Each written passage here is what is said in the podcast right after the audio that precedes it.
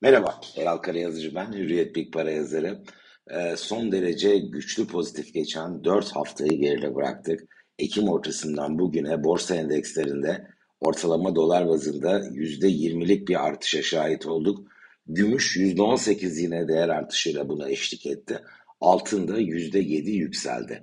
Dolar bu geride bıraktığımız 4 haftanın zayıf halkası. Dönüp hatırlarsak aslında 2022 yılının ilk 3 çeyreğinde varlık piyasalarında negatif bir seyir gerçekleşmişti.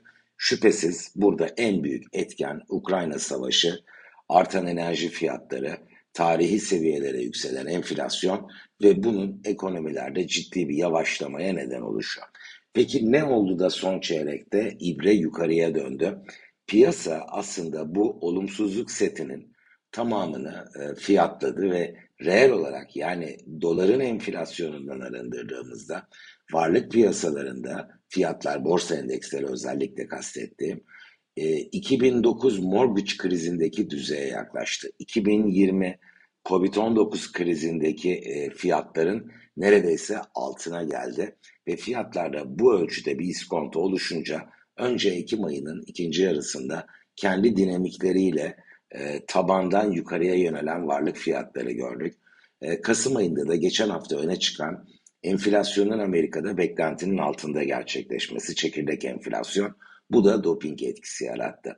Şimdi buradan ileri doğru baktığımızda nelerle karşılaşacağız? Bence varlık piyasalarında ana rota önümüzdeki 5 e, çeyrek en azından pozitif olmaya devam etmeye aday görünüyor. Mutlaka ara akımlar negatif aşağı yönlü olacak. Bu kaçınılmaz. Fakat cari fiyatlar, cari ulaşılan değerler itibariyle ben herhangi bir negatif manşet, bugün bilmediğimiz işte e, kötü bir gelişme olmadıkça yüzde ikiden üçten öte geri esnemelerle karşılaşacağımızı zannetmiyorum. Kısa vadede ki kastım e, önümüzdeki iki buçuk ay, Şubat ayına kadar olan süreç yüzde on kadar daha varlık fiyatlarında bir değer artışı görürsek bence çok şaşırtıcı olmayacak. Vadeyi biraz daha uzatalım. Haziran 2023'e kadar olan kesitte nelerle karşılaşırız dersek de %25'leri bulabilecek ilave artışlar dolar bazında borsa endekslerinde bence daha muhtemel. Gümüş 27 dolara kadar bence 2023 e, içinde belki 2023'ün e, sonuna kadar olan kesitli iddia etsek de konuşmak e, gerekebilir. Bu yükselişi sürdürebilir ki bu yüzde yirmi kadar bir prim kaydetmişti. Bunun üzerine bir taraftan da hesaplıyorum işi sağlam almak için size karşı mahcup yirmi beş kadar daha bir artış potansiyeli demek. E, do, e, altın tarafında da yine 1950'lere kadar bir yüzde 10-12 kadar daha ilave artışla karşılaşabiliriz. Peki Türkiye, şimdi bu anlattığım aslında yurt dışıyla ilgili tablo ve Türkiye'de Borsa İstanbul tarihi bir performansa imza attı. Dünya borsaları bu geride kalan 4 haftada kaydettikleri prime karşın halen 2021 kapanışına göre ortalama %17 aşağıdalar. MSCI Türkiye %58, BIST dolar bazında %73 e, değer artışında. Yani çok ciddi bir pozitif ayrışma oldu.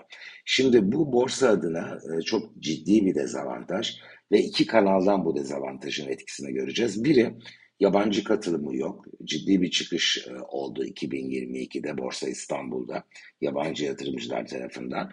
Ben bir süre daha en azından 2023 ikinci çeyreğe kadar yabancı yatırımcıların Türkiye'ye e, giriş konusunda nazlı davranacağını düşünüyorum. Ne fark eder? Biz bize yeteriz. Yerli katılımıyla borsa bu ralliyi gerçekleştiriyor diyenler var. Haklılar. Ciddi bir popülarite de kazandı bireysel yatırımcılar nezdinde Borsa İstanbul. Fakat bu yatırımcıların kayda değer bir bölümünün deneyiminin sınırlı olması olası bir negatif faktör değişikliği riskine karşı borsayı korunaksız kılıyor. Şu göz ardı edilmemeli.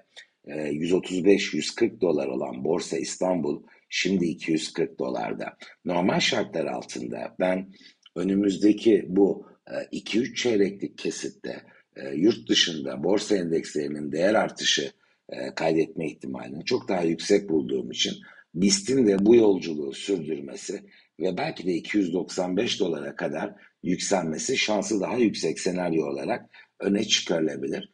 Fakat e, potansiyel risk, potansiyel getiri penceresinden bakıldığında Borsa İstanbul defansif tedbirler alınmadan varlık yapısında olası borsadaki geri gelişlere karşı e, koruma sağlayabilecek enstrümanlar eklenmeden böyle çok agresif bir şekilde e, yatırımları e, gerçekleştirmeye veya var olanları sürdürmeye ne kadar elverişli bu tartışılır. Önümüzdeki süreçte iki faktör öne çıkacak. Biri elbette yine Amerika'nın enflasyonu. Aralık ortasında bu gelecek. Daha zaman var buna.